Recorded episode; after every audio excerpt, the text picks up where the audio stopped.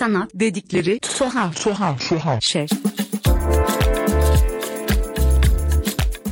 Herkese merhaba. Sanat dedikleri tuhaf şeyin 3. sezonunun 8. bölümüne hoş geldiniz. Bugün İşsiz Nesneler Canlılığın İzleri sergisi üzerine Ilgın Seymen'le konuşacağız ve şu anda bu kaydı da Galeri Bosfor'da yapıyoruz. Ee, Ilgın sergi için neler söyleyebiliriz başta? Selam Sinan, davet ettiğin için teşekkür ederim. Serginin insan-çevre ilişkisi üzerine olduğunu söyleyebiliriz ve kendi deneyimlerim üzerinden geliştirdiğim düşüncelerin izlerini taşıyan nesnelerden oluştuğunu ve bunların hani günlük nesnelerin hayatımızda artık kendi varoluş fonksiyonundan çıkmış ya da benim çıkardığım, özgürleştirdiğim yani işsizliği o anlamda tanımlıyorum. Canlılığın izlerini taşıyan nesneleri üzerinden bugünün çevresinde, bugünün malzemeleriyle hayatta nasıl dolaşacağımız, nasıl hayatla ilişkileneceğimiz üzerine düşüncelerimden oluşuyor sergi. Aslında bunların bazıları senin nesneleştirdiğin nesneler, bazıları da nesne olduğu halde ikinci bir kez bir farklı kurguyla nesne haline gelen ya da bazen e, nesne olup da nesnesizleştirilen ve tam olarak senin söylediğin işsiz hale getirilen nesneler. Bunun için mesela beni en çok etkileyenlerden, bana en çok enteresan gelenlerden bir tanesi molozlarla yaptığın çalışma. Tabii o, o ondan biraz da o videoya da geleceğiz belki ama önce o molozlarla ilgili çünkü çok enteresan bir şey var orada. Molozları buluyorsun, sonra onları boyuyorsun. Oradan başka bir şey dönüştürüyorsun ve baktığımızda artık onlar moloz gibi durmuyorlar ama aslında molozlar ama bunu sen söylemesen kaç kişi anlayacak? Başka bir sanki bir heykel formunda bir şey yapılmış ve e, rastlantısal olarak kurgulanmamış da bilerek özellikle bütün parçalar yapılmış gibi duruyor. Bu nasıl ortaya çıktı? Yine kendi yaşadığım alanda e, böyle doğa gözlemcisi gibi e, yürüyüşlere çıkıyorum. E, bu yaptığım yürüyüşlerde gözlemlediğim alanlar ağaçlı, yeşillikli alanlar da olabiliyor. Bir e, çiçeğe de yaklaşıp özenle bakabiliyorum. Ama bu inşaat alanları da oluyor. Çünkü bunlar da çevrenin parçası. Bu işte ki serginin ismini veren işlerden bir tanesi işsiz nesneler ismi de. Dolaştığım günlerden bir tanesinde karşıma çıkan yıkılmış bir bina ile karşılaştım. Çevresi ağaçlarla çevriliydi. Koskocaman bir alan yıkılmış moloz halinde kalmış ve içimden bir yandan da insanların çevreyle ilişkisindeki ironik ve bana komik ve tuhaf gelen davranışları neredeyse kendi kendimle insan olma durumumla dalga geçercesine bir jestle e, burayı güzelleştirmek için yeşil alan yaratmak istiyorum dedim kendi kendime ve gidip sprey boya dükkanından 10-12 tane sprey boya alarak mekana geri dönüp orayı yeşile boyadım. Bu süre içerisinde yanda yaşayan insanlar gelip geçerken bana ne yaptığımı sordular çünkü tuhaf bir davranış. E, ve yeşil alan yaratıyorum dedim. Ve çok enteresan bir şekilde kimse de bir tepki göstermedi. Hani böyle yeşil alan olur mu? Aa ne güzel dediler. Yani şimdi bunun üzerine tabii ki yeşil alanı düşünmeye yani o hani yeşil alan yaratmak biz insanları mı kaldı? Ee, hani bıraktığın zaman zaten bir ortak yaşamdan bahsediyorsak yeşil alan yapma sorumluluğu zaten bitki örtüsünün. Yani bizden çok daha iyi yapıyorlar. Daha sonra bir süreci burada serginin ilk işi olan videoyu da dahil edeceğim. Çünkü süreç esnasında o böyle bir sıralamayla gitti. 3 ay sonra bu yeşile boyadığım kısım 3'e 4 metre gibi bir alandı. Kocaman bir bina iz düşümü üzerinde. Google Earth'ten baktığım zaman da küçücük bir yeşil noktacık olarak gözüküyordu. E, fakat 3 ay sonra gittim alana ne olmuş diye baktığımda içinden yeşil bir dal çıkmıştı. Ve o da bana söylüyordu ki yani siz insanlar bu işi bilmiyorsunuz. Hani bize bırakın bir sakin olun durun. Onun videosunu çektim. Yeşil molozların arasında çıkmış bir dalı e, videoda seyrediyoruz. Ona eklenen bir ses kaydı var. Ses kaydında görsel alanımızda olmayan çeşitli canlıların seslerini duyuyoruz. Onlar varlıklarını bize sesleriyle seslerinden haberdar ediyorlar. Ve bu esnada o alanda yeni bir inşaat yapılıyordu. E, ve oradan molozları aldım evime götürdüm. Onları yıkadım, temizledim, boyadım. Üzerlerine kristal parçaları yerleştirdim. Işıltı kattım ojeyle, simle. Işıldayan nesnelere dönüştürdüm bunları. Çünkü biliyorum ki bunlar var olmaya devam edecekler dünya üzerinde ve fonksiyonları, var olma sebepleri bina olmaktı. Parçalanmışlar ve biliyorum ki ömürleri benden daha uzun. Bir yandan da bunlara ve genel olarak çevreye kendi bedenimin uzantısı olarak bakmaya başladım uzun zamandır. Yani madem kendime ve evime bir özen gösteriyorum, iyi bir şekilde yaşamaya çalışıyorum. Uzantım olan parçalara da aynı özeni gösterme sorumluluğunu hissederek böyle bir jestte bulundum. Ve sonunda böyle bir yerleştirmeye dönüştü bu işte. Ve işsizlikleri bana genel olarak hani toplum içerisinde işsizlik tabii ki korkulan, kabul edilmeyen bir şey. Ama bunu daha kavramsal olarak baktığımızda tek bir fonksiyona adanmış bir işten çıktığı zaman herhangi bir nesne ya da bir insan burada birçok şey olabilme potansiyeli taşıdığı için özgürlüğü barındırıyor içinde. Ben bu potansiyeline özeniyorum. Bir yandan da çöp ya da atık olarak tanımlanan çünkü fonksiyonsuzlaşmış olan nesnelerin başka yönlerine işte kimyasal yapılarına ya da varoluşlarına bakarak onlardan özeneceğim özellikler almaya çalışıyorum. Özenebileceğim parçalara dönüştürmeye ve ışıldayan canlılığımızın, bizim yaşamışlığımızın izini taşıyorlarsa ve buradalarsa e, ışıldayarak olsunlar düşüncesiyle yaptım. Şimdi 2016'da enteresan bir şey yaşanmıştı. Ben e, bu işleri gördükten sonra aklıma ilk gelen şeylerden biri oydu. Bodrum Bitez'de bir inşaat firması bir site yapmak için oradaki ağaçlardan kurtulmak tırnak içinde istiyor ve o ağaçları oradan söküp başka bir yere taşıyorlar. Fakat bu yeni taşıdıkları yerlerde molozlar var ve dolayısıyla da ağaçlar bir yerden sonra kurumaya başlıyorlar. Ve inşaat firması bu ağaçların kurumasını bir şekilde üstünü kapatmak adına ağaçların hepsine sprey boyayla yeşil boya sıkıyor. Ve şimdi orada öyle bir yaşanan gerçek var ve o dönem çok konuşulmuştu. Şimdi bunun bir sanatsal ifade içinde satirle bir noktada aslında onu eleştirerek, onunla belki hatta kara mizahi bir dille dalga geçilerek bu şekilde karşımıza gelmesi benim için çok iyi bir tesadüf olmuştu ve o yüzden de özellikle biraz bunları konuşmak istedim. Çünkü yaptığın şey biraz önce de söylediklerin yani yeşile boyadım ve insanlar da hiçbir şey demediler. Çünkü bu belki bizim bir süredir tırnak içinde bir süredir alışık olduğumuz bir fikri de göndermeydi. Bu nedenle o video ve kullandığın sesler ve daha sonrasında içinden çıkan Filiz'in de anlamı benim için başka bir hale geliyor. E tabii biraz önce söylediğin molozlardan yaptığın bu heykellerin ortaya çıkması da yine bir sergi mekanına taşındığı için düşünüldüğünde apayrı bir alan yaratıyor. Çünkü buraya geldiğimiz zaman bir sergiyi gezerken tabii ki sergi mekanı bir e, yapay yapı aslında ama onun içinde sanki oradaki filizlenen yeşillikmiş gibi görüyoruz ama aslında öyle de değil filan gibi böyle bir ikilemin içinde bırakıyor bizi. Bununla beraber senin yine kullandığın plastik çim ya da plastik bitki örtüsü de var. Ve bu o kadar tuhaf ki sen bunu şöyle anlatmıştın sergiyi birlikte gezerken. Bu birçok insan tarafından ayırt edilemeyecek durumda bir görüntü veriyor. O zaman insanlar şaşırmaya başlıyorlar. Bu etki sana neyi çağrıştırdı? Yani onu öyle koyduğunda ve insanlar bunu anlamadığı zaman ve her bunu söyleyen insanla karşılaştığın zaman neler düşünmeye başlıyorsun? Önce verdiğin örnekten başlamak istiyorum. Bir tezdeki olayı bilmiyordum. Şu an senden dinleyince çok hoşuma gitti. Çünkü biliyor olsam yine aynı şeyi yapacaktım. Ee, ve zaten yani insanlar şöyle böyle yanlış yapıyorlar derken e ben de bu insanların parçasıyım ve hani yapılanları kendimi de dahil ederek yani bir dalga geçme ve eleştirme varsa yani bunu kendi kendine eleştirmeyi gülerek yaptığın zaman ilerleyebiliyorsun ve düşünceler açılabiliyor gibi. Bu videonun karşısında yerleştirdiğimde yapay yeşillikler. Şimdi seçtiğim malzemeler de yani bu malzemeleri de ben kendim üretmedim. Çevremizde var olmalarından dolayı kullanıyorum. E, yapay yeşillikler gerçeğinin çok güzel taklidi ve bazı insanlar için ayırması zor oluyor.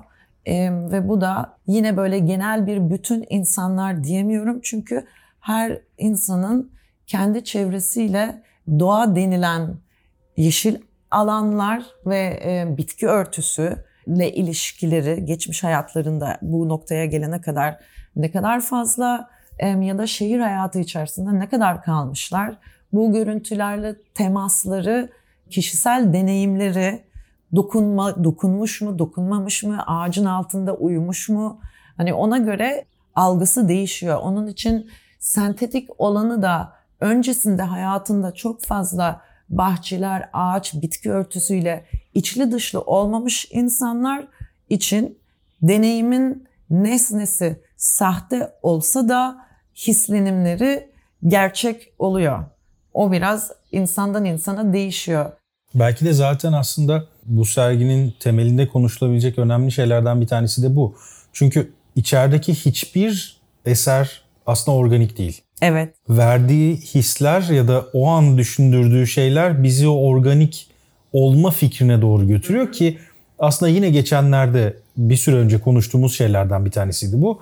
İşte recycle mı upcycle mı gibi bir durum varken burada aslında bir, bir anlamda bunun bir upcycle edilme durumundan bahsediyoruz. Yani var olan ve tırnak içinde doğaya zararlı yani doğaya zararlı olduğunu bildiğimiz fakat belli bir noktada işlevi olduğunun da haberdar olduğumuz malzemenin burada farklı bir şekilde kullanılarak sanatsal ifadeye dönüştürüldüğü anı görüyoruz. Ki zaten burada şu da önemli. Senin bu molozları dönüştürürken kullandığın parıltı aslında biraz da ailenin köklerine de dayanan bir bilgiden geliyor. Çünkü mineral bilgisine sahipsin. Yani mineralin nasıl olduğunu, taşların hangi yapıda olduğunu da biraz biliyorsun ve aslında orada da tırnak içinde yine bu kandırma faktörünü kullanarak bir başka duygulanım yaratıyorsun. Onu da başka bir eserde aslında daha net olarak bize sunmuş durumdasın. evet. Evet yani duygulanım yaratma kısmı çok önemli. Çünkü gerçekten hayatta içerisinde akarken bilgilerin önce bir karşılaşmalar sonunda duygulanımların oluşması, duygulanımların üzerinden bu duygulanımların ne olduğuna dair düşüncelere girmek, bu düşünceler üzerinden belli araştırmalar yapmak ve bilgilere uğraşmak gibi bir yapı içerisinde geliştiğini, varoluşumuzun böyle geliştiğini düşünüyorum.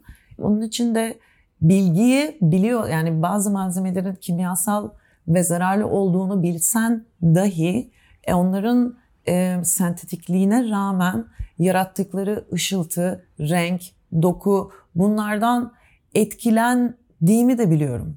Hani ve bunu reddedemiyorum.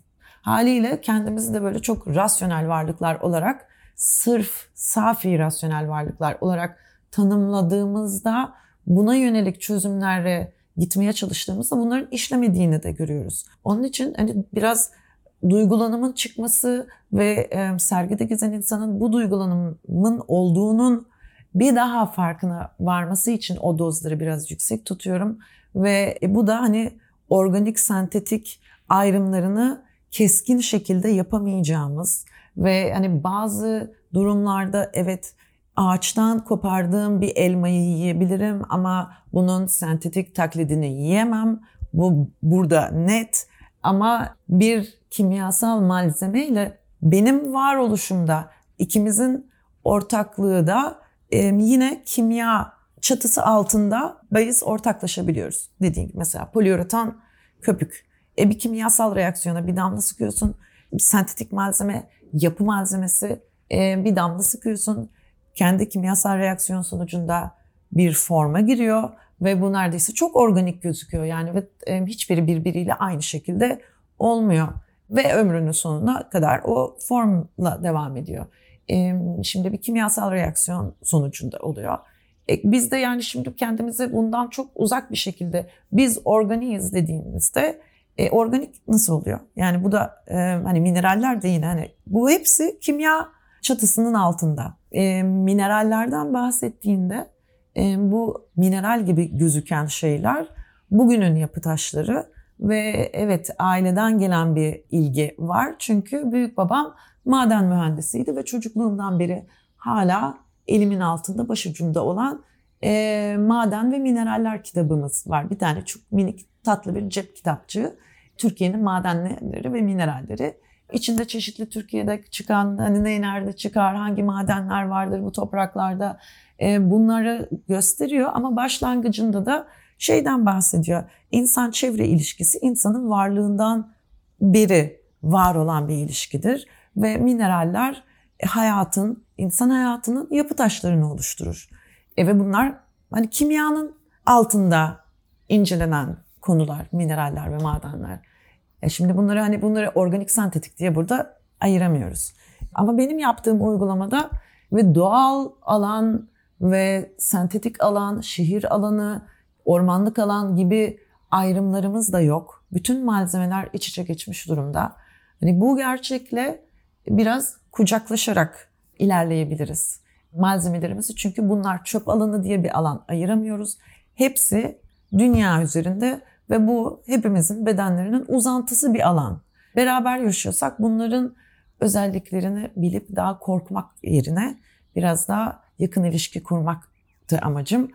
Topladığım mineral gibi, kayaç gibi gözüken şeylerde ne diyebiliriz? Bugünün yapı taşları. Yani malzeme olarak beton, moloz, çakıl taşı ve asfalt. Bunların hepsi e, yaptığım yürüyüşlerde inşaatlardan, yol kenarlarından topladığım parçalar.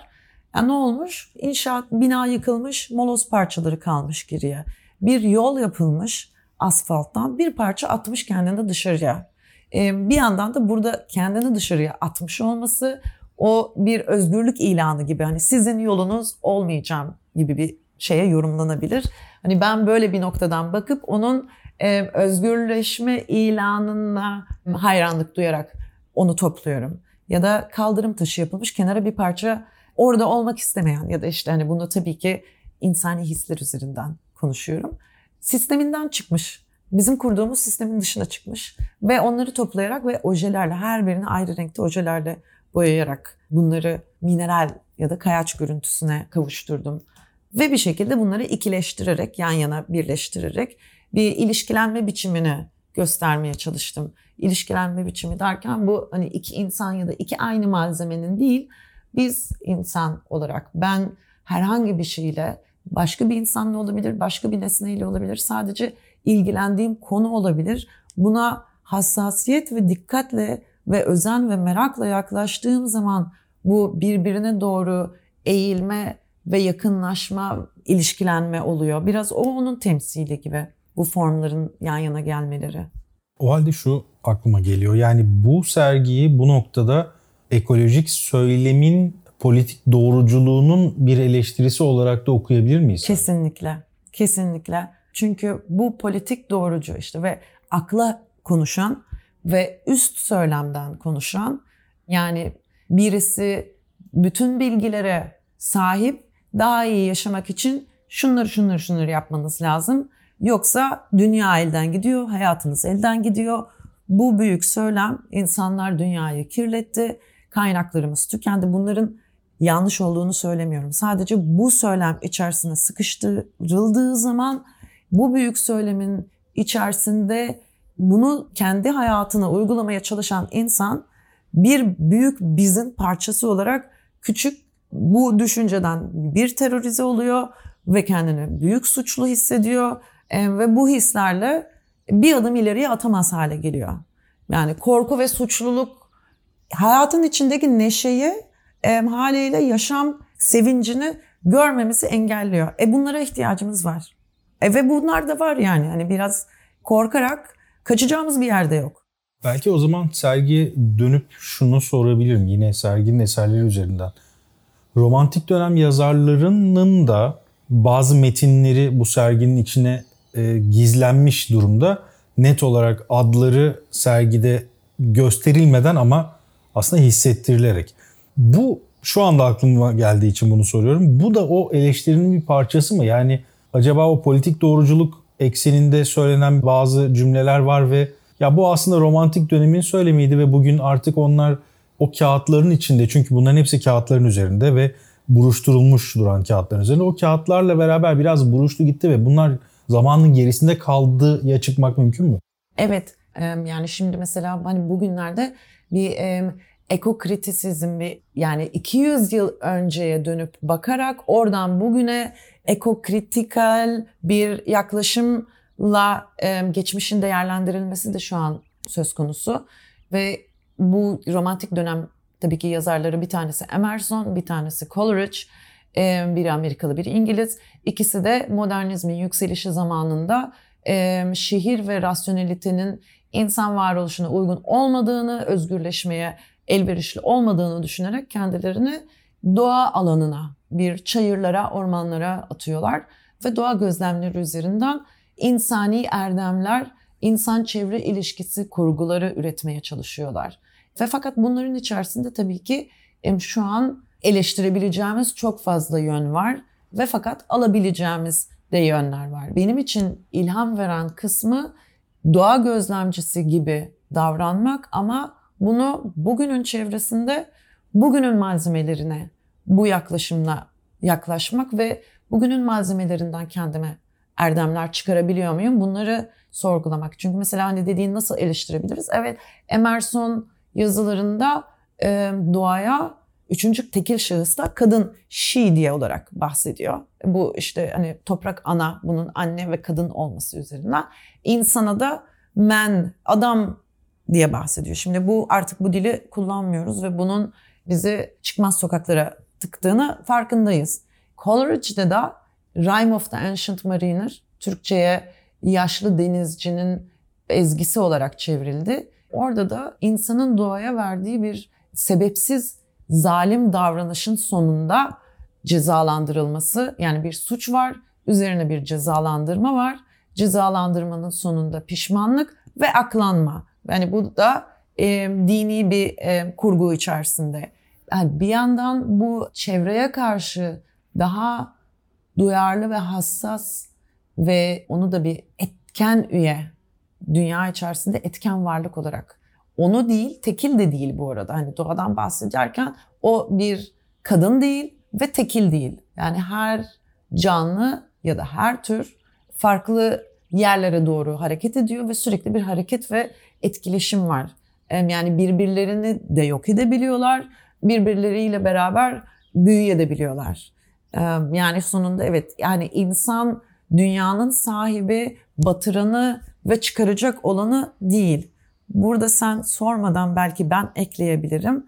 Sergi içinde kozmik toz dediğim işi. Çünkü bu tam olarak da bu e, ekolojik düzenin bizimden çok daha büyük olduğunu gösteren bir iş. E, ismi kozmik toz ve şöyle söyleyeyim ben plastik şişelerden oluştururum ama hani kozmik toz ismini sergiye eklememin sebebi gerçekten bir kozmik toz var hayatımızda. Bu uzay tozu ve dünyaya 60 ton kozmik toz yağıyor her sene. Yaptığı şey de şu ki okyanuslardaki planktonların çoğalmasına yardımcı oluyor. Bitkilerin klorofil salgılamasına sebep oluyor. Yani dünyadaki canlılığın büyük besin kaynaklarından bir tanesi uzaydan geliyor. Yani ekosistemimiz dünya ile sınırlı değil. Belli sınırlar koyuyoruz ama sınırlar içerisinde büyük çeşitlilikler var.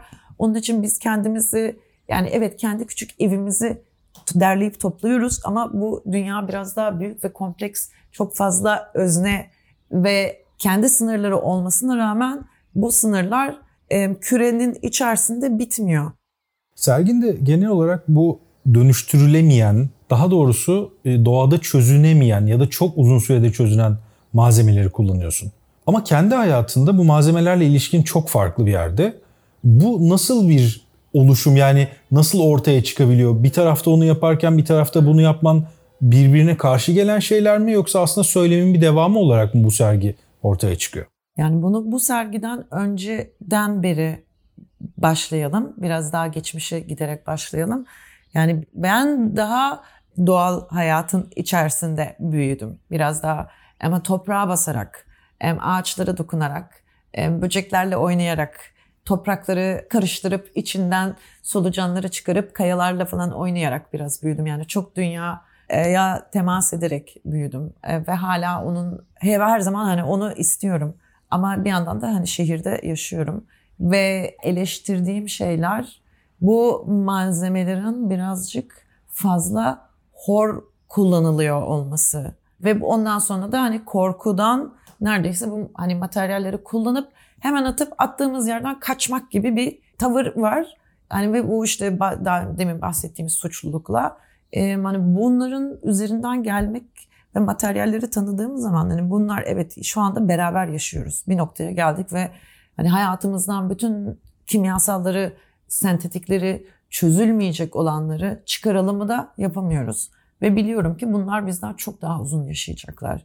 Hani bunun verdiği e, bir şey var yani. Ve bizden çok daha insan tamam çok hızlı çoğalıyor. Bu malzemeler bizden daha da hızlı çoğalıyorlar. E, dünya yüzeyini ciddi şekilde kaplıyorlar. Hani nasıl bir bakışla e, daha değerli hale getirebiliriz? Çünkü hani bu kullan atlık, çöpe dönüşme, hızlıca çöpe dönüşmesi benim canımı acıtan kısmı. Çünkü malzemenin bir dünyada var olma süresi üç kuşak insandan daha uzun bir süre. O zaman biz nasıl oldu da bunları değersiz hale getirdik? Yani nasıl üç gün kullanıyorum ve hemen çöp pozisyonuna düşüveriyor. Yani özellikle hani plastikten mesela malzeme olarak hani bahsedelim. İşte plastiğe ismini veren özelliği gerçekten materyal özelliği. Bunun kolay şekil alabilir, esnek ve uzun ömürlü olması. Hani şimdi böyle güzel özellikleri olan bir şeyi biz uzun süre kullanabiliyoruz aslında. Ve fakat kültüre bir şekilde bu, bir şekilde nasıl olduğunu zaten seninle daha önce konuşmalarımızda da bu sistemsel bir sorun. Daha fazla tüketime yöneltmek ve endüstriyel bir yaklaşım. Kullanat olarak kabul ettik bunları. Yani bununla ilgili ciddi bir derdim var. Ama bu korku öncelikli olduğu zaman sentetik olsa da bu malzemeyle haşır neşirlik olamıyor. Çünkü önce korku var ve kaçma isteğine dönüyor bu. Burada bütün bu e, hayatımızda zaten var olan artık bedenimizin uzantısı olmuş gibi yani yani evi yapan beton malzeme, kullandığın işler, onun içerisindeki poliüretan, binanın dışındaki izolasyon straforu hani her şey çok da iç içe. Yani önündeki bahçeyle iç içe. Daha uzun ömürlü olmaları için biraz daha onlarla bir hemhal ve haşır neşirlik, biraz daha özen ve sevgi, hayranlık. Yani ben şimdi plastiğin bu özelliklerine hayran olabiliyorum. Hani kaya gibi sert olmaktansa e, plastik gibi esnek, dayanıklı, uzun ömürlü, kolay şekil alan bir varoluş e, güzel geliyor ki bu kelime aynı zamanda mesela biyoloji terminolojisinde diyelim beyin plastisitesi diye bir kavram var. Bu beyin plastisitesi biz çocukken beynimizin çok esnek, yeni girdiğimiz durumlara karşı adapte olabilme kabiliyetimizin çok yüksek olması anlamına geliyor. Beynin durumdan duruma geçerken onlara adapte olabilme kabiliyeti. E bu varoluşla ilgili yani bir hayatta kalmakla ilgili.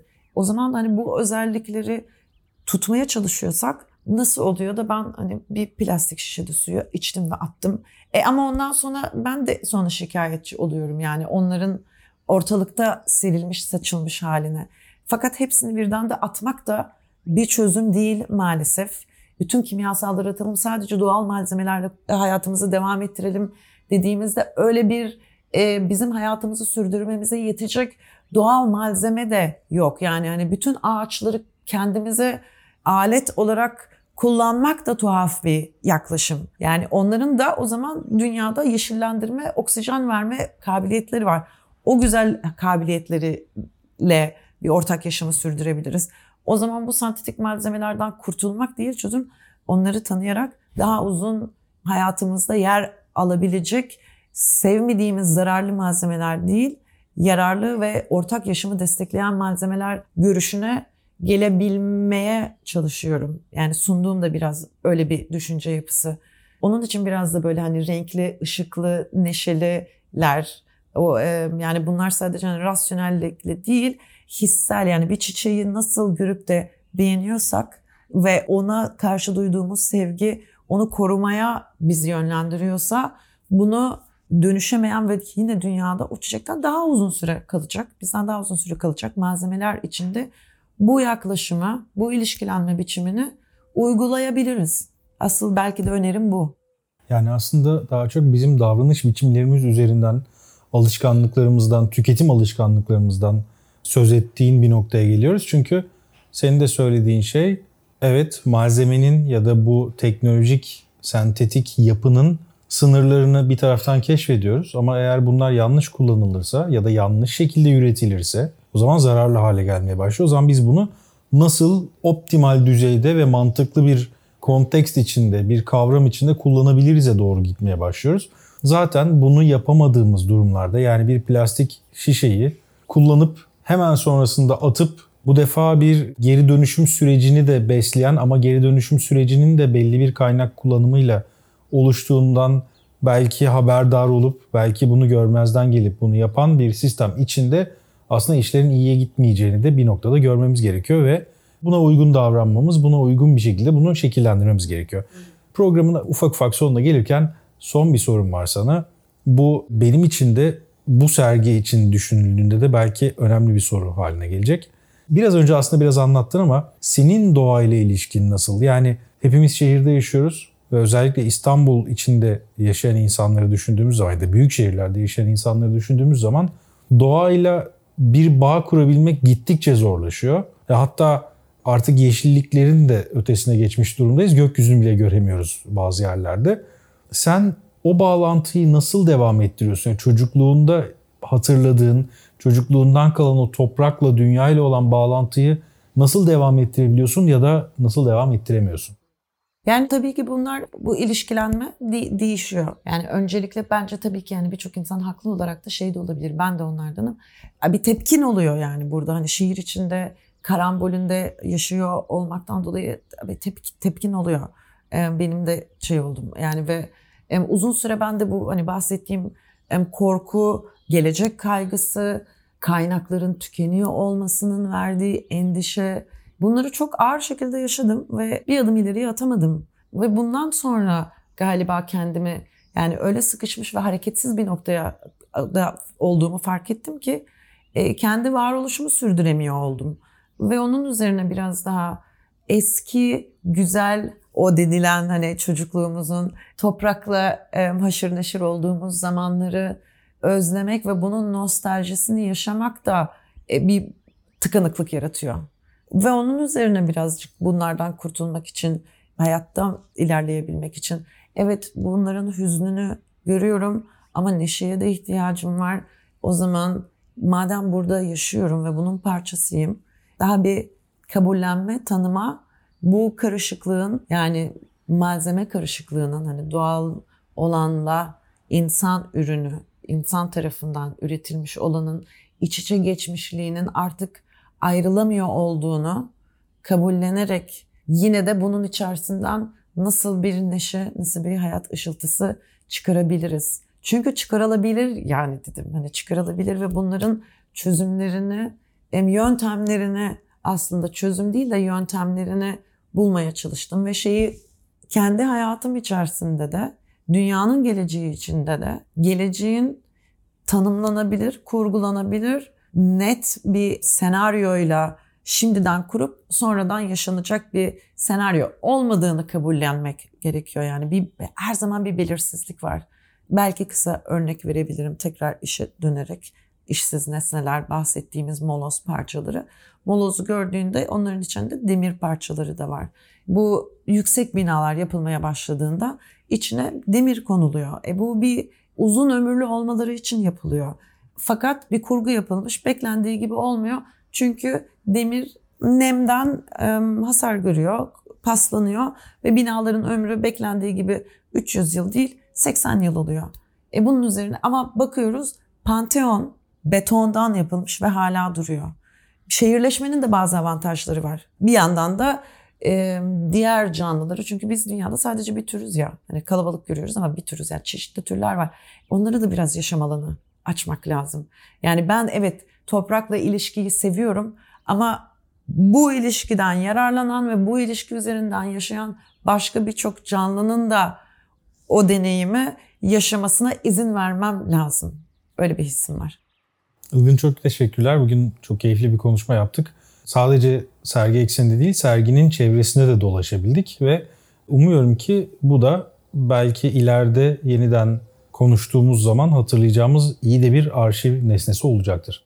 Evet, evet, evet, evet. Teşekkür ederim. Yani sergi yapmanın temelinde zaten düşünce süreçlerini paylaşmak, farklı düşünme pratiklerine yönelme yöntemlerini araştırmak için hani sergi yapıyorum. Onun için düşünceleri konuşmuş olmaktan çok keyif aldım ben de. Teşekkür ederim. Böylelikle Sanat Dedikleri Tuhaf Şey'in 3. sezonunun 8. bölümünün sonuna geldik. Bugün Ilgın Seymen'le İşsiz Nesneler, Canlılığın İzleri adlı sergisini ve biraz daha fazlasını Galeri Bosfor'da konuştuk. Yeni bir programda yeniden buluşmak üzere. Herkese hoşçakalın.